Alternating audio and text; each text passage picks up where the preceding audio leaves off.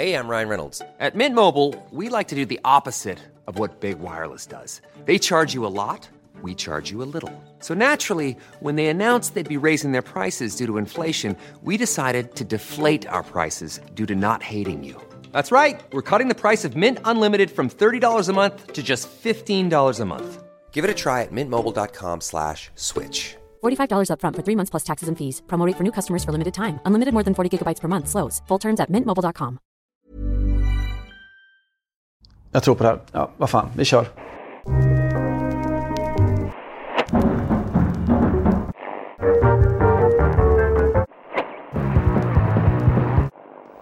Velasquez est le peintre des soirs, de l'étendue et du silence. Même quand il peint en plein jour, même quand il peint dans une pièce close, même quand la guerre ou la chasse hurle autour de lui. Comme il ne sortait guère aux heures de la journée, où l'air est brûlant, où le soleil est intense. Lyssna på det här espagnols Velasquez är kvällarnas målare, viddernas och tystnadens. Även när han målar mitt på ljusan dag, även när han målar i ett slutet rum. Även när kriget eller jakten stormar runt omkring honom.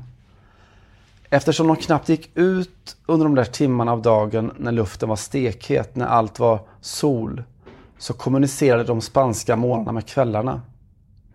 Vad säger du tjejen? Snyggt va? Om det är jag som är tjejen säger jag otroligt vackert. Det är inte du som är tjejen. Det där är ett, eh, ett citat. ja, välkommen Vad till tusan. Fotboll Radical. eh, Vad heter och det på vä- grekiska? Väldigt mycket. Hoppas att du har tagit reda på det. Äh, oklart, jag har inte kommit så långt än. Ριζοσπαστικό ποδόσφαιρο. mina tre dagars eh, språkkurs eh, har gått trögt. Nej, det där är eh, direkt citat från eh, en eh, sån där klassisk scen ur Tokstollen, Godard, eh, när då Jean-Paul Belmondo, eh, hans Pierrot, ligger i badkaret och läser för eh, sin Marianne då. Eh, och läser ur Elifor, eh, konstens historia. Belmondo dog ju i veckan, den här skitveckan. Eh, Mikis Theodorakis borta, Belmondo borta eh, och Sverige förlorade. Har du noterat det förresten, att om det inte vore för Belmondo kanske du inte hade bott i, i Paris? Alltså jag sitter här och tänker, vad fan är oddsen att detta är mitt inplanerade så kallade outro och kulturtips, som Jean-Paul Belmondo. Så att, eh, det visar ju ännu en gång att vi två kroppar, en hjärna, Simon. Men det kommer bli, lite, det blir en lite kortare podd än avsett för att jag hade så att säga, bullat upp för ett Belmondo-outro. Vi får väl eh, stå ut med det. Jag har noterat att eh, Jean-Paul Belmondo som var Frankrikes finest på något sätt. Eh, Det nästan bästa med honom är kanske att han aldrig slog i Hollywood utan att han är en sån fransk kulturikon eller institut. Att han eh, gick och dog men att han också var med och typ, han var inte riktigt med och skapade PSG men han var med och investerade pengar precis där i början när fraktionerna fortfarande var många och eh, var med och, som investerare långt in på, ja, nästan in i på 2000-talet. Va? Ja, det är väl... Eh, alltså, det är klart att PSG hade blivit av ändå, men det passar ju fint i historien. Han var väl ja, både fotbollsfanatisk och kanske inte PSG-fanatisk, men han, han tyckte om sitt PSG. och Han, han följde dem. Eh, och han fattas ju oss. Jag vet inte, det största avtrycket i, i mitt liv är väl eh, minnet av hans, eh, hans ja, näsan såklart, men också hans boxarnäsa. Men också hans, eh, hans rökande. Det var ju ingen som rökte lika snyggt som honom, i alla fall inte på europeisk mark. James Dean kanske rökte lika snyggt, men han är en av dem som har fått mig att vilja börja röka. Jag kan bara instämma. Det var, och dessutom så är det, tyckte jag, intressant för att man, det är ju så mycket med PSG som är, om inte missförstått så i alla fall, eh, ah, det, det är svårt att förstå hur fransk fotboll, fransk klubbfotboll har kommit till. Och det här är ju ett ganska bra historiskt exempel på det. Alltså, det var i princip så att man konstaterade att eh, vi har en, nu har vi en stor arena här. Parc des Princes är liksom i princip klar. Vem ska spela där? Och alla Parisklubbarna går dåligt. Det var liksom ingen som utmärkte sig. Och så skapade man ett, först ett skal på något sätt av två klubbar och sen så gick det ett par år där. Och det här var 1970 och sen 73, det var då Belmondo gick in i, i det hela. Och eh, man liksom eh, förde över verksamheten på en ytterligare en existerande klubb.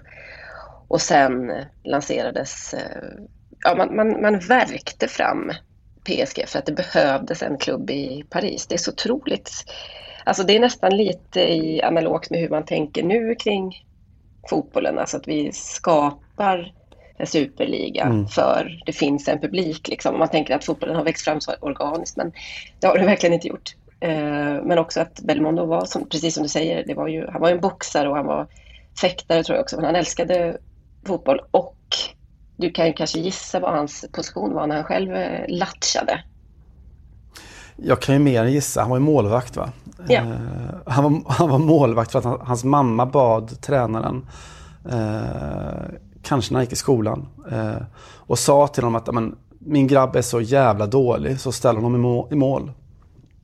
Och jag älskar vår målvakt. Eh, jag har aldrig blivit mindre förvånad än när jag, när jag såg att Jean-Paul Belmondo var eh, målvakt. Jag tror att det kan det vara man brukar säga att eh, musikkritiker föds ungefär när de, kan, när de förstör sin första gitarr. Kan det vara så att riktiga konstnärer och filmstjärnor föds när deras mamma sätter dem i mål?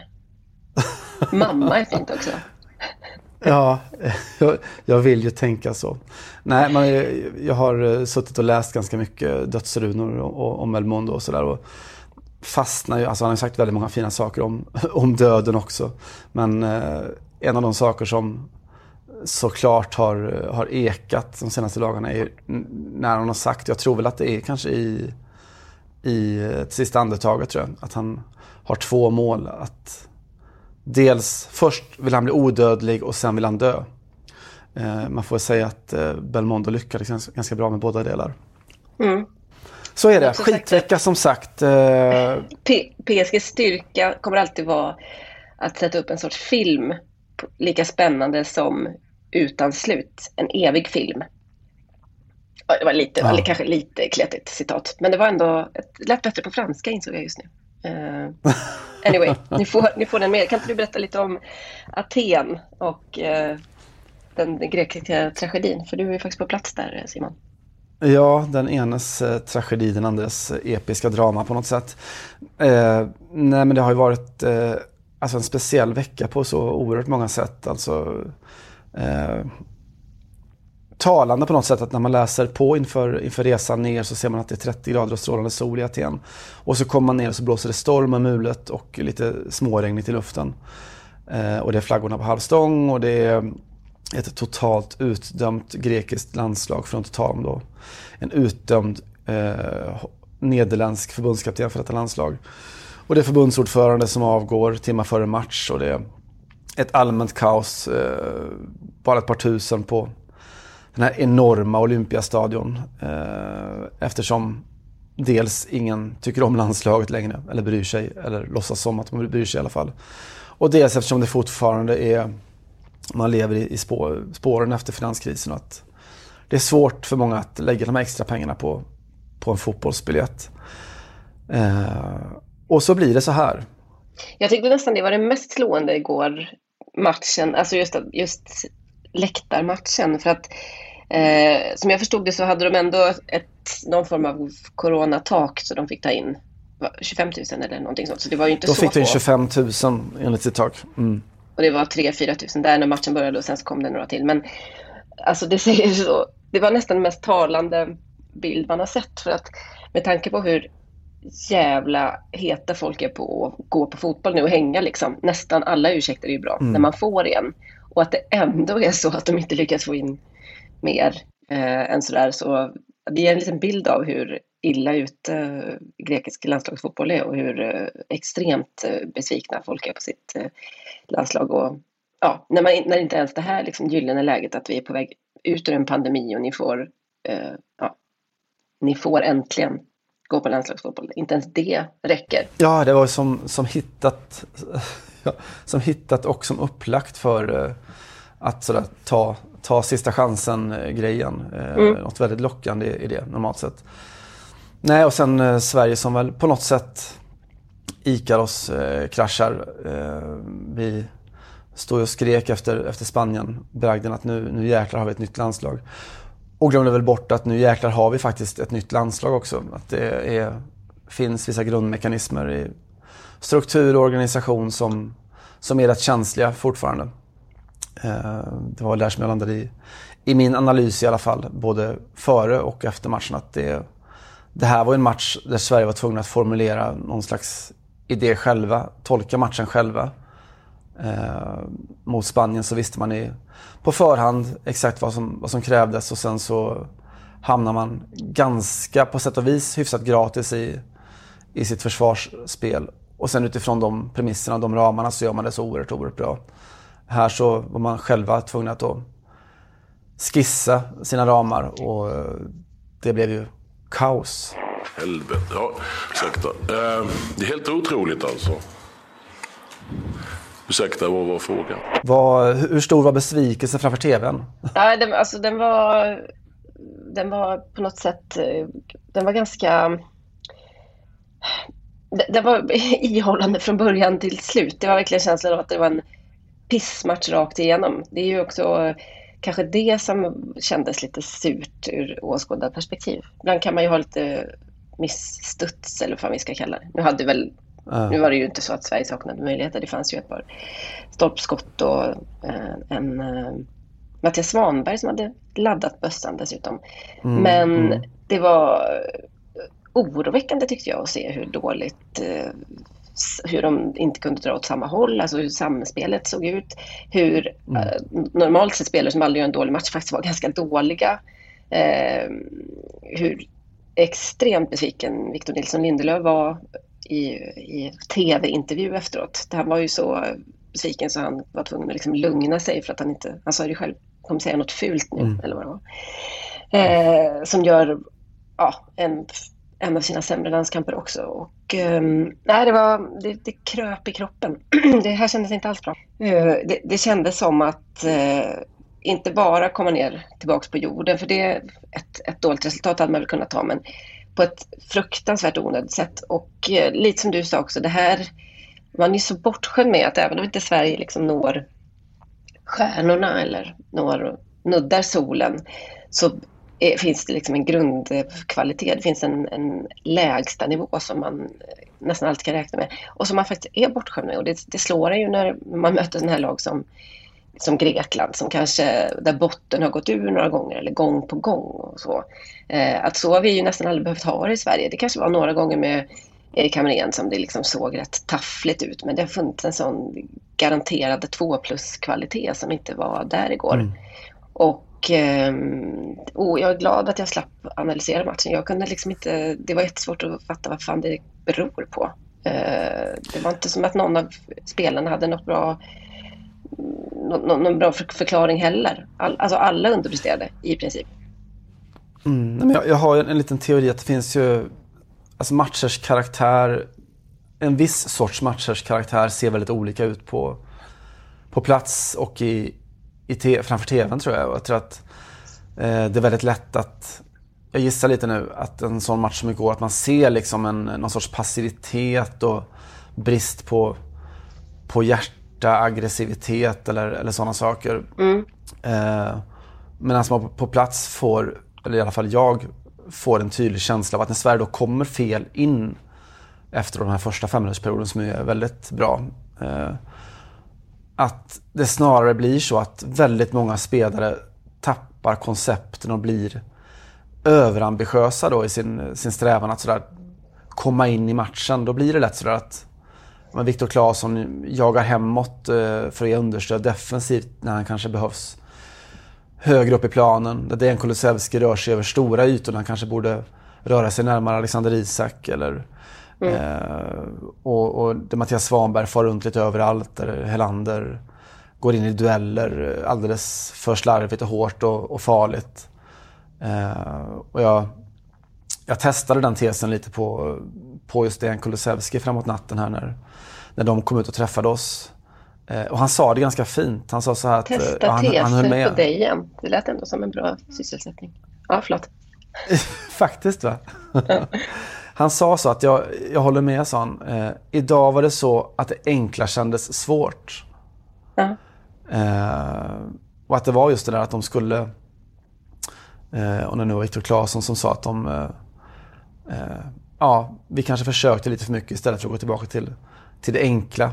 Eh, och att även om man hade spelat, vet, försökt att kanske hålla ner tempot lite grann och spela med lite större säkerhet så hade de ändå med de kvaliteterna de har kunnat skapa målchanser.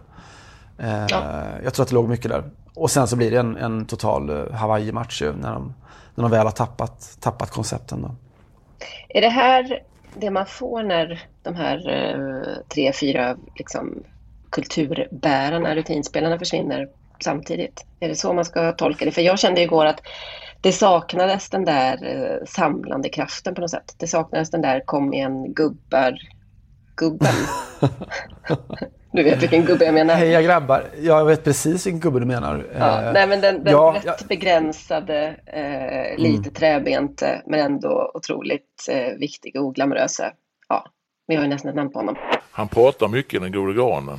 Den eh, personen finns inte riktigt. Alltså är, är det också så att eh, Victor Nilsson Lindelöf är lite för bra? Alltså har vi, har vi en mittback och en lagkapten på lite för bra position i, alltså i klubbfotbollen nu? Vi kanske inte ska ha en, en startspelare, för detta startspelare i Manchester United. Vi, man kanske ska ha en, en mer liksom eh, bänkspelare i Groningen eller någonting sånt där. För att det ska Mm. kännas Ja, riktigt det- genuint.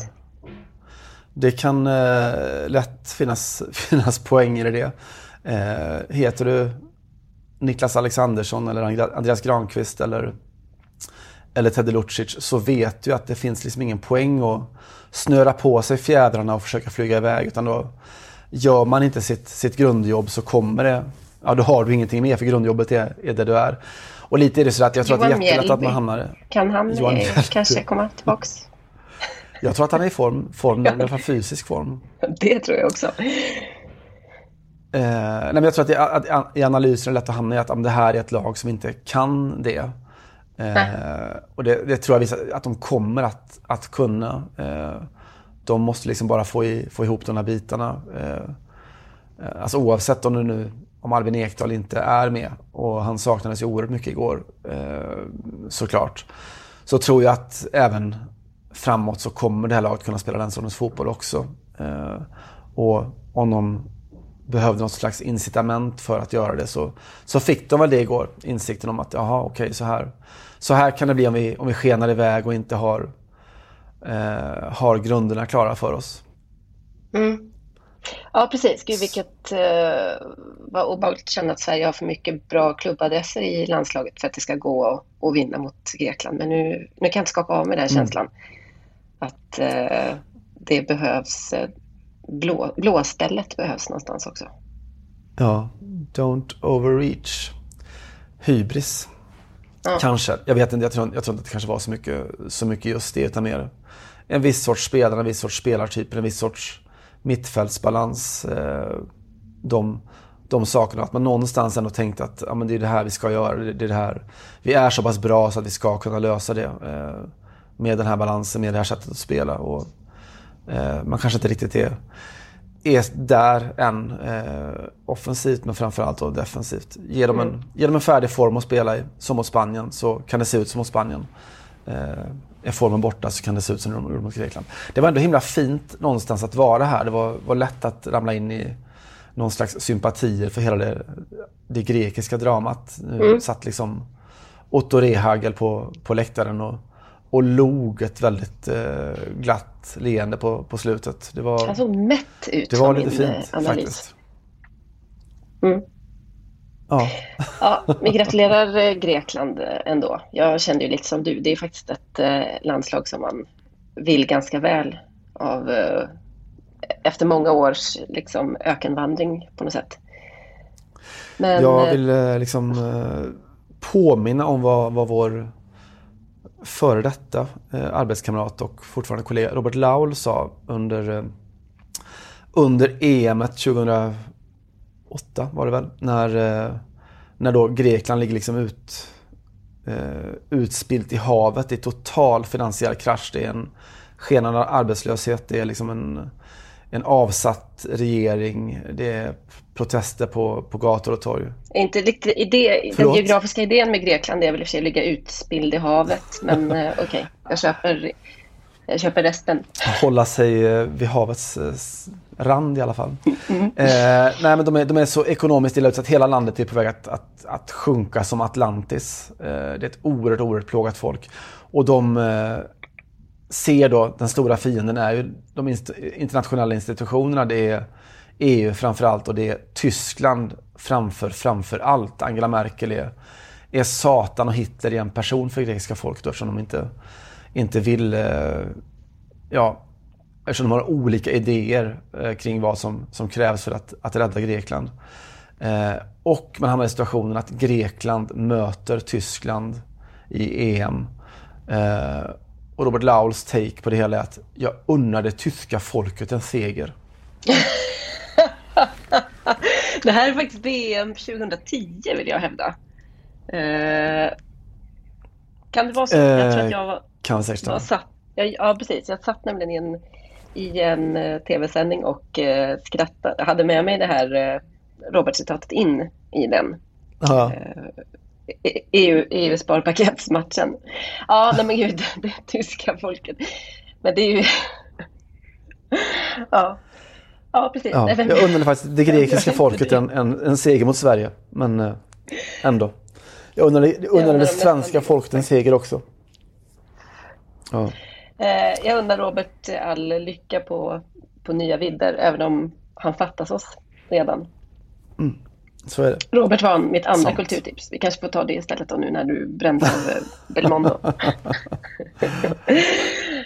Ja, det Om vi ska hitta en, en match som var kanske ännu mer eh, apokalyptisk eh, behöver man inte åka längre. Ja. Man får i vanlig ordning åka till eh, Sydamerika. Du noterade kanske vad som hände mellan eh, Brasilien och Argentina där. Fem minuter in i matchen så bröts den av, så att säga. För det var ett gäng spelare, det var några av dina killar i Tottenham där som hade fuskat lite med eh, re- covid-redovisningen. det blir ju så va? Giovanni Lo Celso och eh, Cristiano Romero. Fan jävla bra läge tycker jag. Alltså ja, det är så otroligt snyggt att tänka. Jag spelar en av världens största klubbar, men det är nog inte någon som kommer liksom tracka var jag har varit de senaste dagarna. Eller att jag så att säga är hemmahörande in the UK. Ja, Jag, vet inte, jag tycker det var otroligt snyggt. Men det kanske absolut bästa med den här eh, matchen, förutom att Leo Messi kommer ut som någon form av hjälte när han säger hur kan ni avbryta matchen nu? Borde ni inte ha sagt det här tidigare?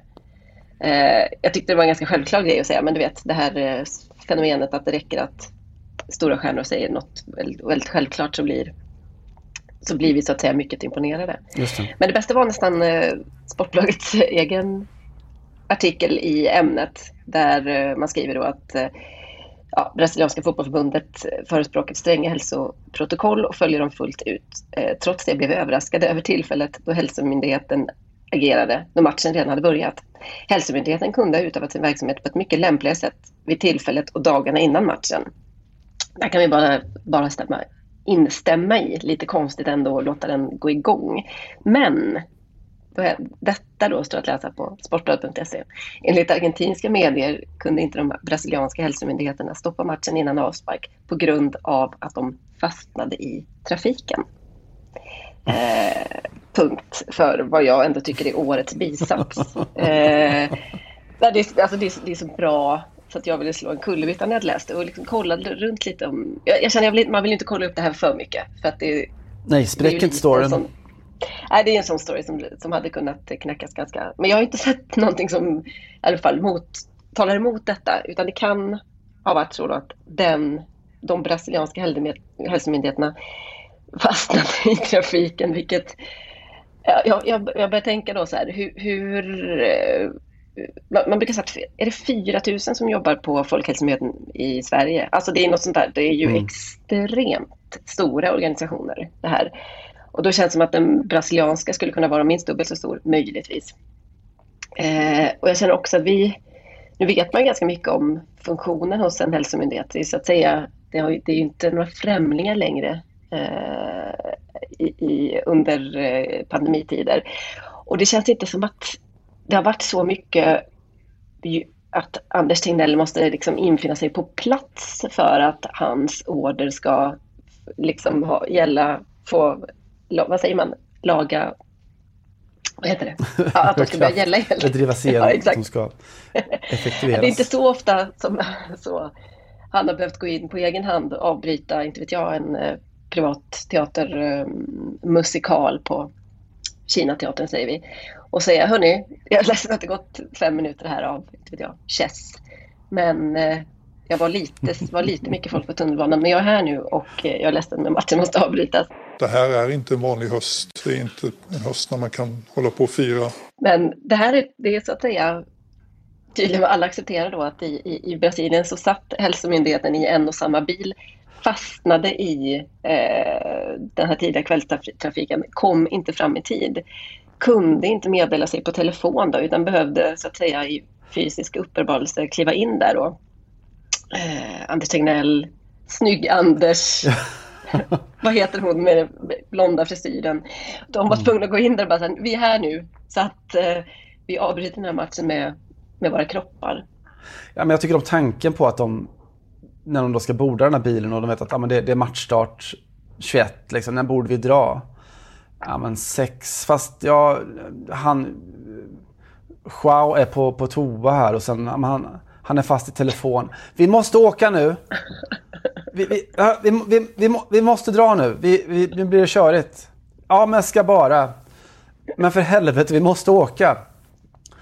Eh, och sen kommer de lite sent. Jag tycker överhuvudtaget om den här eh, formuleringen, kanske också i Sportbladet, eh, att där man i någon förklarande passus då förklarar att det var Brasiliens Anders Tegnell som då kom in och skulle avbryta matchen. Och man känner spontant att nej, Brasilien, det finns ingen Brasiliens Anders Tegnell. Det är liksom inneboende i hela, i hela det, det brasilianska folkarvet. Menar ni, att, menar ni att ni har en torr byråkrat som aldrig höjer rösten, som blir anklagad för typ folkmord och står där i sin lite utvättade pikétröja och, och svarar liksom med eh, statistik och en powerpoint-redovisning. Har ni inte det så har ni inte en Anders Tegnell, så är det. Och Anders Tegnell är inte killen som är lite sen till matchen för att han fastnade i eh, kvällstrafiken i Sao Paulo.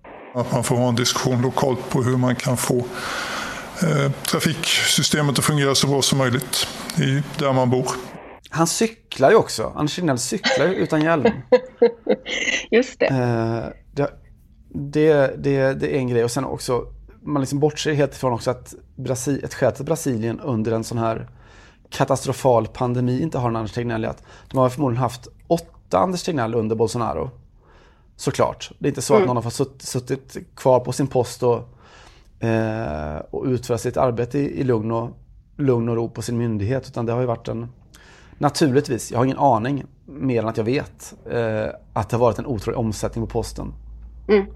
Precis. Nej, men det var direkt att om någon av dem säger att eh, covid är en döende sjukdom så har de blivit av med jobbet i princip. Ja, naturligtvis. Man, då, naturligtvis. Då, man i sig, då är man nere på, i lagren och rotar efter eh, någon form av, eh, inte vet jag, men huligan eh, Tegnell som till slut då är tolfte mm. namnet på listan. Där han bara så här, ja men du kan ta jobbet. Ja, men jag kan väl inte ett skit om, eh, om, om vet det, pandemier och så här. Nej, men jag tror att du ändå är en som kan åka och avbryta en fotbollsmatch med din kropp och dina händer. Och, så att säga. Och han bara, okej. Okay. Tyvärr löste de inte det heller då när Folkhälsomyndigheten dessa enligt, eh, alltså i en svensk, ehm, eh, alltså i ett, i ett, ett svenskt eh, sammanhang hade varit då ungefär 4 000, så att de var, de var 8 000 i Folkhälsomyndigheten i Brasilien, som alla var sena till matchen. Trillade in där och bara nu, nu är det slut. Varför ringde ni inte? Vi, vi, vi är inte sådana som anmäler sig på förhand. Vi kommer när vi Nej, kommer det känns också mer sannolikt att det faktiskt var så att de kom dit och så ändå ville se några minuter av matchen innan de bröt Av rent bara, intresse. Ja, men har Neymar satt ett hattrick efter fem minuter, då låter vi det kanske. Hey, I'm Ryan Reynolds. Recently, I asked Mint Mobile's legal team if big wireless companies are allowed to raise prices due to inflation. They said yes. And then when I asked if raising prices technically violates those onerous two year contracts, they said, What the f are you talking about, you insane Hollywood ass? F- So to recap, we're cutting the price of Mint Unlimited from $30 a month to just $15 a month. Give it a try at mintmobile.com slash switch. $45 upfront for three months plus taxes and fees. Promo rate for new customers for limited time. Unlimited more than 40 gigabytes per month. Slows. Full terms at mintmobile.com. Ja. Ungefär så. Nej, det, det finns så mycket saker i den här historien som är, som är slående för att eh, ja, det vore inte fel att straffa alla inblandade på något sätt. Eh, lite så känns det. Brasilien för Anders Tegnells eh, för sen ankomst och Argentina för att de eh, ja, vad ska man säga, att de beter sig lite som, jag hade en, eh, en klasskompis på högstadiet någon gång som, som inte gör läxan eh, och blir konfronterad av, av läraren som säger att, eh, ja men alltså, men Patrik vi sa ju att ni skulle läsa kapitel 2 och kapitel 3 till idag. Jo, jo, sa Patrik, men du sa inte att du menar allvar. Eh, lite så känns det att Argentina har hanterat eh, de här begränsningarna kring, kring engelska Premier League-proffs. Ja, vi vet. Men ingen sa ju att det var på riktigt. Alltså, det där var ju precis som när pandemin slog till i Frankrike och de bara så här, nu får ingen vara ute och ni får inte hänga i några parker. Och så var det ju en superhelg i Paris. Det var svinvarmt och alla hängde i parker. Och, och Macron bara, fast jag sa ju inte hänga i parkerna. Nej, det var, det var vet du, premiärministern eh, Philippe som sa det. Ja, ja, men var det på, menar du allvar? Det var precis den känslan. Det var som att man hade inte tagit i så hårt så att det, kunde, det kanske mest var en, en, ja, en rekommendation så att säga. Det som vi har levt Ja, efter i tol tolka en förälders tonläge ungefär så. Jag utesluter inte att det var så att Argentinas tanke var att ja, men vi tar väl med de här och ser vad som händer. Alltså, I värsta fall så, så blir vi väl av med dem två dagar före match och då får vi hantera det på något sätt. Eh, så sett till det så var det ganska smart spelat av Brasilien att vagga in dem i tron att nej, ni är, ni är safe nu. Det var, Det var de otroligt inte. smart. Också roligt att de här eh, Martinez då, Buendia, Romero och Lo Celso kommer nu få skaka galler i Brasilien ihop med eh, elva eh, före detta statsepidemiologer som alla fått sparken för att de har eh, sagt att eh, covid är en dödlig sjukdom. Ja, det är eh, luck of Spurs eh, på något sätt. Det är, det är inte uteslutet att Romero efter att precis ha, ha signats för att styra upp Tottenhams defensiv hamnar i någon slags fängelse i Amazonas och, och ruttnar där istället. Jag kan se det hända. Jag kan också se det hända. Och jag tror att filmen blir ganska bra. Säkert. Någon slags eh, Monte Cristo-variant. Ei polícia, pega essa cara! Filho da puta! Pega ele! Pega ele, porra! Eh, du, apropå Tottenham. Eh, får, vi, får jag fördjupa mig lite i Tottenham? Det väldigt sällan man hör dig säga apropå Tottenham, som vore någon form av Ja. anomali här i livet. Tottenham sa du. Berätta. Ja, Tottenham, sådär bara. Eh, nej, för jag har eh, med stor glädje, jag tror att jag har nämnt tidigare i den här podcasten och refererat till och citerat ett eh, engelskt magasin som jag prenumererar på som heter OOF. OOF eh, Har du gjort? Som är mig veterligen då det första, i alla fall engelskspråkiga magasinet som eh, sysslar med kombinationen av konst och fotboll. Just det. Eh, de sysslar numera också, eller gett sig in i galleribranschen och har öppnat det som ska vara världens första eh, konstgalleri på en fotbollsarena och det råkar då vara på Tottenham Hotspur Stadium. Se där. Eh, de slog upp portarna alldeles nyss då för sin, sin första utställning som heter Balls, tror jag. Eh, och det är upplagt för att det ska vara skräp, eller hur? Ja, varför göra det lätta svårt och så vidare. Ja, ja, exakt. Nej, men det är ett gäng konstnärer som har fått tolka eh, begreppet eller konceptet eh, bollen, fotbollen alltså i, i en väldigt konkret och fysisk, fysisk bemärkelse. Grejen är att det, det ser eh, faktiskt väldigt bra, intressant ut. Eh, det är flera verk där som jag tycker är intressanta, både liksom formmässigt och, och tanke, tankemässigt. Eh, jag hoppas att det... Ja, du har gått på någon form av virtuell tur, eller? Jag har gått på en virtuell tur. Eh, läst och tittat. Eh, och det är liksom fina skulpturer. Det är någon, någon, eh, någon boll i, som ser väldigt så arkaisk ut som är utförd i eh, någon form av murbruk. Och det är någon, någon läderboll som är sydd eh, där då varje sån här liten, är det en oktagon eller vad kan det vara som man syr fotbollar av? Eller historiskt. Ja. Kanske. Mm. Eh, som, där var och en av dem har, har begåvats med en, en manlig bröstvårta till exempel. Eh, som någon slags inpass kring, kring könsidentitet och maskulinitet och, och sådär. Eh, Mm.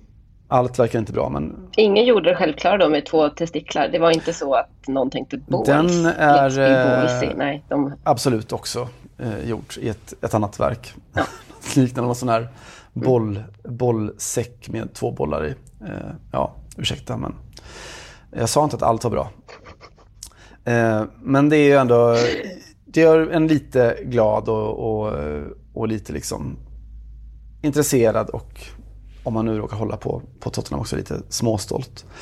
Eh, Det är väl då eh, min ingång till att prata om fotboll och konst. Jag svänger en bit i norra London eh, till The Arsenal eh, och noterar då att Arsène Wenger ju har i sin nya roll som någon form av chefsfilosof och framtidsspanare i, Fifas hägn har ju då lanserat den här idén om att ha, hålla VM-slutspel varannat år istället för var fjärde.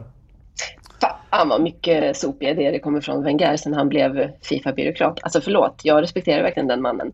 Men det är ju inte mycket som är rätt just nu, eller? Föregriper jag en spaning? Nej, alltså jag, jag eh, alltså verkligen. Jag älskar Wenger. Jag tror att han, Nej, men det gör jag också. Men eh, det var väl roligare när han fick ändå spana fram en ny handsregel i, som tog 18 månader och var identisk med den befintliga. Det var ju inte bra, men det var ändå inte jätte... Men nu börjar det ju bara gå åt skogen. Ja, förlåt. Ja men totalt. Jag, jag tror att jag har dubbat honom till den sista liksom, sunde mannen i en sinnessjuk fotbollsvärld. Det vill säga när han, när han faktiskt höll i pengarna i, i Arsenal och, och såg Arsenal mer som en klubb som skulle finnas och vara framgångsrik över hundra år än att vara det över nästa match och sådär. Där har väl historien kanske också på något sätt gett honom, gett honom rätt då. Eh, det var inte så jäkla lätt att bara vrida på en knapp och, och gå från att bli fyra varje år till att vinna varje år. Eh, som många trodde. Ja, han låter ju verkligen som ett eko av, eh, av det som Andrea Agnelli och Florentino Perez pratade om när de lanserade Superliga-konceptet. Att ja, det är det här som behövs, det är det här som folk vill ha. Eh, och Wenger baserar det på sin högst ovetenskapliga feeling och säger att det är de han har pratat med så har alla 100% varit för den här tanken. Eh, även spelarna. Ja, okej. Ja, han pratar även, även spelarna vill ha det så här. Så då refererar han till gamla pensionerade spelare. John Terry och, och gänget som Mm. väl då Ja, i det. artighet sagt att Mm. ja, kul Arsene. Ehm, Mm. eh, Ja, men de har väl ska- precis som vi känt att så här, nu är det, händer det jättemycket i Arsens hjärna, men han sitter också inlåst hemma liksom för att det varit eh, covid och han har bara haft sin dator. Han har spånat och spånat, spånat och det, tankarna har bara skenat åt alla möjliga håll. Han har liksom återuppfunnit handsregeln, presenterade det som att det var något nytt. Det var det inte alls. Jag hade väl också sagt så här, det här blir jättebra, Arsen. Bra, jajamensan. Det här Ja, blir men bra. såklart. Så, det är klart de har, Ja, och- det är klart de har sagt det, men det är klart de inte har menat Och- det. det. Men han, han sa, han har ju ingen fru. Det är det som är så jävla jobbigt också. Att han Ja, inte har någon familj.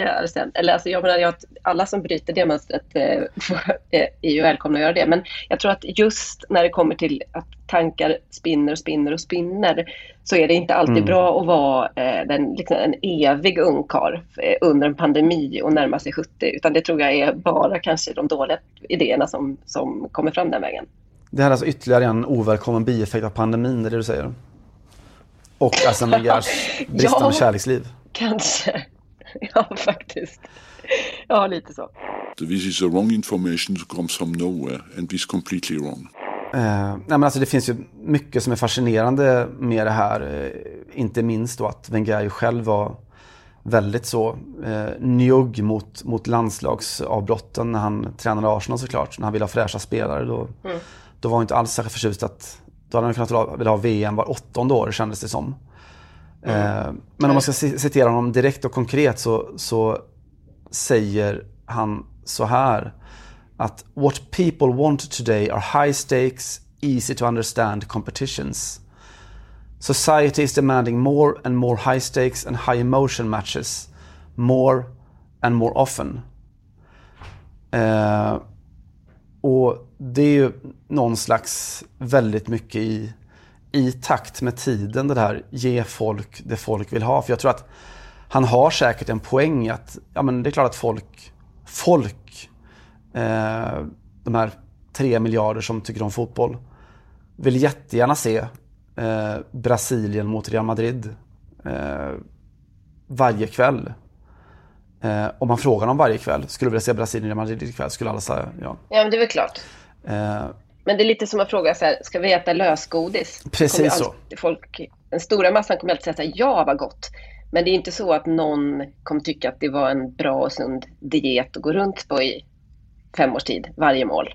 Nej, och där, där är vi ju nu. Att det, det är liksom det är nya, nya tävlingar som, som liksom ersätter varandra. Det är Nations League och det är någon ny satsning på, på klubblags-VM. Du har ett, ett nytt format i Champions League. De stora ska mötas med då. Det här schweiziska konceptet. Eh, ytterligare en Europa-turnering i den här Conference. Europa Conference League. Just det. Eh, du låter EM växa till, är det 24 lag nu väl då? Eh, VM ska bli ännu större med 48 lag. Och fler Champions League-matcher. Eh, mer, mer, mer eh, och sådär. Jag, min, alltså, idén är inte ny det här med, med, med att eh, intensifiera VM-kalendern. Det är Sepp Blatter som drog upp den redan för ja, tidigt 2000-tal någon gång. Eh, och nu så sägs det att det, det är Saudiarabien som, som har, har drivit på för att de också vill ha, vill ha, det, ha det så här. Eh, mer synlighet och mer, mer pengar och, och allt sånt. Min ingång i allt det här var ju eh, att prata om Tottenhams nya konstgalleri. Eh, och det beror lite på att jag har faktiskt aldrig tänkt på det, men hur den moderna konsten har gått hand i hand med den moderna fotbollen på ja, de senaste 30 åren eller så. Eh, att mm det som händer i England, de stora omvälvande sakerna som händer i, i England 1992 så är det ju för fotbollens del att den moderna fotbollen startar med att man beslutar i slutet av februari 92 att eh, Premier League ska sjösättas och skäras bort från, från resten av den engelska fotbollen med, med nya TV TV-pengar. Eh, det som händer bara någon vecka efter det är att eh, på då det här Saatchi-galleriet i, i London, har du varit där? Nej. Eh, nej, strunt samma. Ett eh, sån här ikoniskt då, galleri, den nya engelska konströrelsen. Som då håller den här, en epokgörande utställning med eh, eh, The Young British Artists. Eh, där då Damien Hirst framförallt blir den stora, stora, stora stjärnan. Med den där eh, hajskulpturen, hajen i, i formalin. Eh, som ju var fantastisk som, som konstverk. Men det som händer där och då i konstvärlden, alltså om, om fotbollen gifter sig med, med tv och nöjesindustrin eh, och storkapitalet så är det att konsten gifter sig med, med reklamen. Och att det uppstår liksom nya, nya teman där. Eh, alltså visst, Andy Warhol och allt, men väldigt mycket att konsten, att marknaden inte längre liksom bara är ett, ett motiv eller en del av konsten utan den, den också blir själva konsten. Att pengarna och kapitalet blir, vad ska man säga, både innehåll och form. Eh, Just det. Damien Hirst eh, gör sin den här kranie skulpturen, ett mänskligt kranium som text med diamanter. Ja, alltså bling bling. Med bling bling som han då ska sälja för, för en miljard. Eh, och det där pågår och, och, eskalerar då parallellt med fotbollens explosion så händer samma saker inom, inom konsten. Och fram till att Damien Hirst och någon, någon vecka före Lehman Brothers-kraschen så, så håller han en utställning på ett galleri. Eh, säljer ut den för, jag tror han säljer för två miljarder. Eh, och lyckas också då få bort sin agenten och galleristens del så att alla pengar hamnar i hans egen, hans egen ficka. Eh, och förklarar det själv med att han, ja, det där med pengar är, det är viktigt. Det ska inte vara målet men när jag var liten hade jag inga pengar så att det är väldigt viktigt för mig.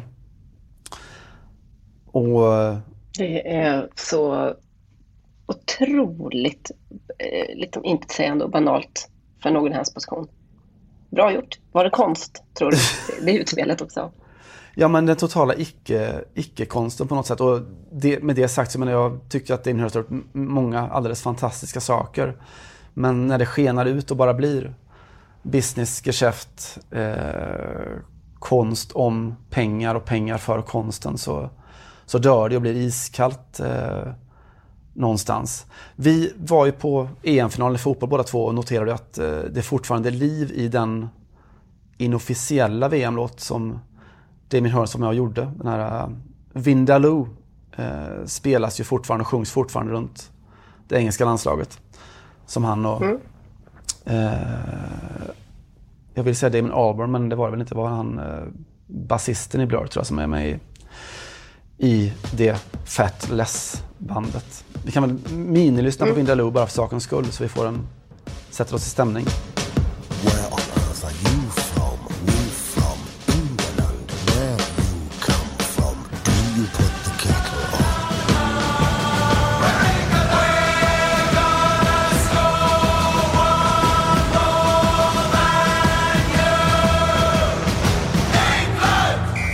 Ja, Vindaloo, Vindaloo, we gonna score one more goal than you och så vidare. Eh, nej, ja, det kanske är en banal spaning men jag har ändå fastnat i den eh, genom ett galleri på Tottenham Hotspur Stadium. Att eh, allting har ju idag drabbats av någon slags elefantiasis. Att det ska vara mer, större och oftare. Eh, och man undrar om det verkligen är det som folk vill ha. Är det smågodis alla dagar? Är det att bara höja musiken? Var det verkligen så att folket och publiken ville ha den där superligan? Eh, och vill vi verkligen ha den här platta, platta pengakonsten? Jag vet inte. Jag tror inte det. Började det när eh, eller började, men du hade ju också en uh, liten dipp här för något år sedan när uh, Daniel Levy sålde en målning av David Hockney. Just det. Om jag minns det hela rätt. uh, så man, man, kan väl säga att de... Precis. Att det har ändå, de har varit konsekventa i att hålla, eh, sälja ut fotbollen och konsten samtidigt då. Eller under liknande former, vilket är vilket ju ändå är snyggt om man ska ha en plats i den här podden. Sen kanske det inte är så bra i övrigt. Det är snyggt, det är också ett problem för den här podden om det är en podd som sysslar med, med fotboll och kultur. Om, om både fotboll och kulturen är på väg åt helvete. Eh, då blir det lite jobbigt och då sitter man här och så önskar man att Brasiliens, eller varför inte Sveriges, Anders Tegnell skulle kliva in i sin pullover och säga att ja, ja, gör det där men gör det med förnuft och lagom avstånd och kontroll. Tvingar oss nu Anders att stoppa utförsäljningen av eh, fotbollskort? Absolut inte, absolut inte. Det här är ju en rekommendation. Va? Så att eh, det gör ni vad ni vill med. Men det blir inte bra om ni inte gör det. Men det är helt upp till er. Det är, Där någonstans. Det är det vi står och faller med. Den, den fåfänga förhoppningen och längtan efter lagomhetens Anders Tegnell som sätter ner foten men med en toffla på en fåfäng förhoppning från Fotboll Radikal-redaktionen. Det är inte en höst när man kan hålla på och fira. Ska vi eh, kliva vidare med, eh, jag tar vara på det fåfänga i din förhoppning och eh, prata lite om eh, fotbollstränare och eh, snygghet? Det tycker jag låter alldeles lysande. Ja.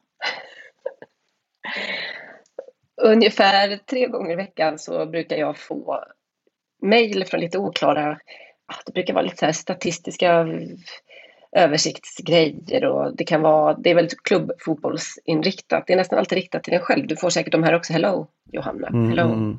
Simon. Vet du att vi har räknat på och det visar sig att, och så är det eh, att Chelsea har sålt flest muggar med klubbloggan på eh, de senaste tre månaderna i världen. Eller det är oftast ganska, vad ska man säga, perifera grejer som de tror att det här kommer journalister bara kasta sig över och skriva en artikel om. Sällan man känner sig så manad, framförallt när det presenteras på det sättet, men den här gick ju inte att eh, ignorera. Eh, Johanna, as part of the football travel index slots up uh, has uncovered the top 10 most handsome football managers of all time, punkt, punkt, punkt, according to science. Ah, just det. Science är bra. Så nu ska vi få vet, det vetenskapliga svaret då på vilka eh, fotbollstränare på här sidan som är most handsome of all times. Och eh, det är liksom inte, det är inte så att de har dåligt med eh, med bakgrund eller att de bygger upp de här mejlen kass utan det är oftast väldigt, man, man får liksom serverat en, en, någon form av uh, fait accompli som man absolut inte kan motsätta sig. För att det är ju alltid 300 olika mätinstitut eller någonting som ligger bakom. Här är det helt enkelt så att uh, forskare har, har använt sig av en matematisk symmetrisk algoritm som bestämmer upp, hur vi uppfattar uh, attraktivitet då, hos människor genom att sätta ihop eller studera en massa olika foton av de mest populära fotbollstränarna. Varje tränare... Alltså det här låter ju, parentes, det låter som att de har de använt liksom det gyllene snittet. Jag var uppe på Akropolis och, och kikade på, på, på Parthenon igår. Mm. Och man, man fastnar i frågan om den här vetenskapliga taken. Har de använt det, det, det gyllene snittet? Eh, för att fastslå attraktionskraften hos tränarna. Det låter nästan så. Ja, alltså 2000-talets eh, gyllene, gyllene snittet, var det Da Vinci som kom med det eller? Så att, eh, ja, Nej, jag eller? tror att det är äldre. Han, ja, den här, Nej, jag tänker på den här jävla, ja just det, sorry. Människan eller den. Ja. Ja, ja, ja, precis. Eh, jag tror att det absolut sorteras in i, i, i, under samma, samma rubrik. Men jag tror att det, även det här var nog, var nog grekerna. Allt är grekerna. grekerna. Mm. Satans Fuck the Greek civilization. eh, varje, varje manager fick till slut då en, eh, en slutprocent där de som var närmast 100 eh, ansågs, eller kan anses som mest eh, attraktiva. För, förutom att det är så jävla ball att de bara kommer med den här uträkningen utan, att, utan några second thoughts så att säga, är också då att, eh, jag, jag börjar fundera lite på det här, men är det varför anser vi att symmetri är det mest attraktiva? Men det är ju bara en sån självklar grej som alltid sägs. Ju mer symmetrisk, mm. desto vackrare. Men om man har en riktigt ful sida, halva av ansiktet, och så är den precis på pricken lik den andra fula sidan, kan vi tänka sig att det ändå inte blir så bra. Men nu är inte jag någon expert va, på detta med eh, snygghet och eh, symmetri och vad som är vad. Eh, jag konstaterar i alla fall att vi har fått eh, fram en topp 10 då. Och eh, mm. sätter du tre är du godkänd. Sätter du fem får du en guldstjärna. Jag lämnar det helt öppet. Jag kan säga att den tionde mest attraktiva eh, scorade 61 procent och den mest attraktiva 80 av, vad fan då? Ja, det kan jag inte riktigt säga, av det hundraprocentiga gyllene snittet. eh, över till dig Bank. Vilka, vilka, vilka är de mest symmetriskt attraktiva manliga fotbollstränarna? Om vi får ägna oss åt lite galopperande sexism här. Eh, jag tror ju att José Mourinho för eh, 15 år sedan hade varit eh, ganska klar etta. Jag tror att han fortfarande har en plats på listan. Inte med. Du Han är inte med på listan. en- Nej. Du har två, två livlinor kvar. Zinedine Zidane är såklart med på listan.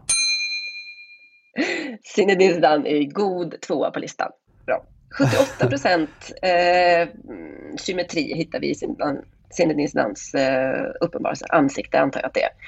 Så han är tvåa och eh, bara 2 procent bakom eh, vinnaren. Mera? Eh, Roberto Mancini. Nej men sluta nu. Inte så symmetrisk som man kan tro, tydligen. Har de sett hans sexpack? Följer alla gyllene Ja. snitt. Har de sett hans, hår, hans perfekta hårtransplantation och eh, vad heter det, lyfta eh, påsen ur ögonen? Verkar inte så. Eh, du får en chans till ändå för att bara, vad ska man säga, för att på något sätt, eh, vad, heter det, för att putsa lite på, på din ganska dåliga gissningsaura.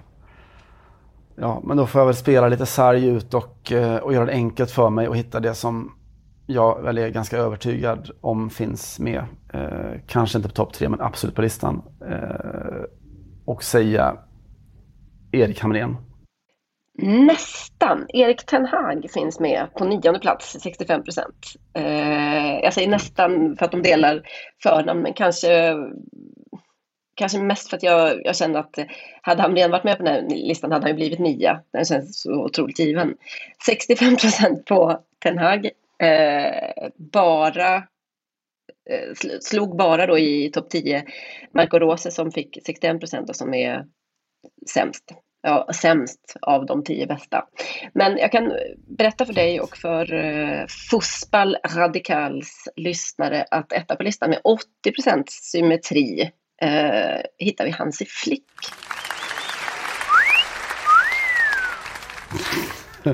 Jaha, ja. Silke Flicksman. Ja. Eh, tvåa Zinedine Zidane, trea Diego Simeone, fyra Julen Lopetegui, fyra, tyckte det var lite givet att han skulle bli fyra, missa podiet Mm. där, trist men ändå.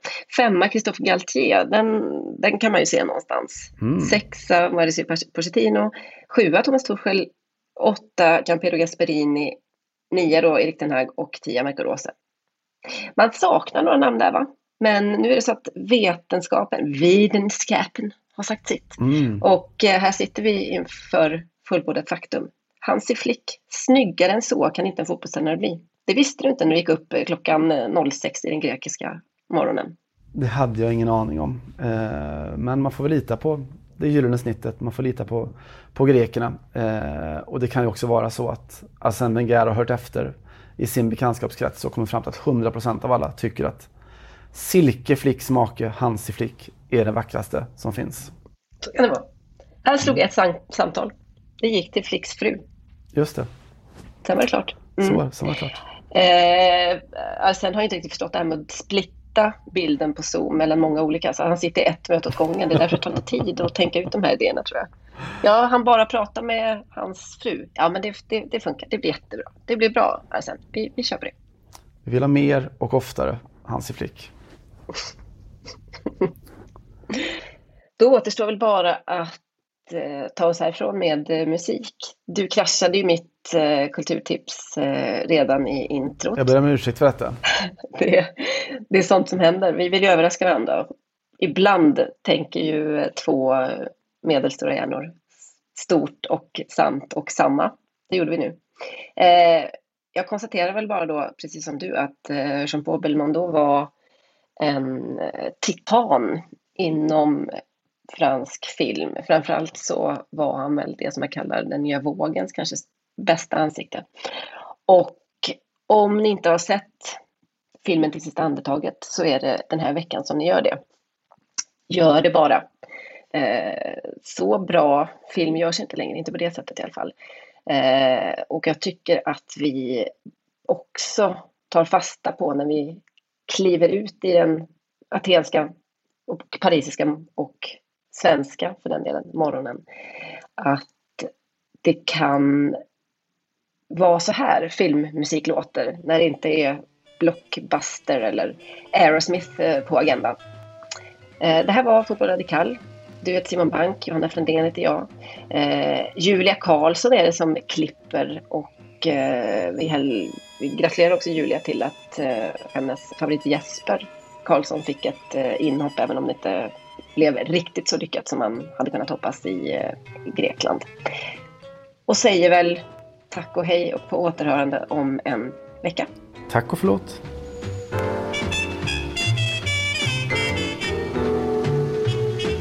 Du har lyssnat på en podcast från Aftonbladet. Ansvarig utgivare är Lena K Samuelsson.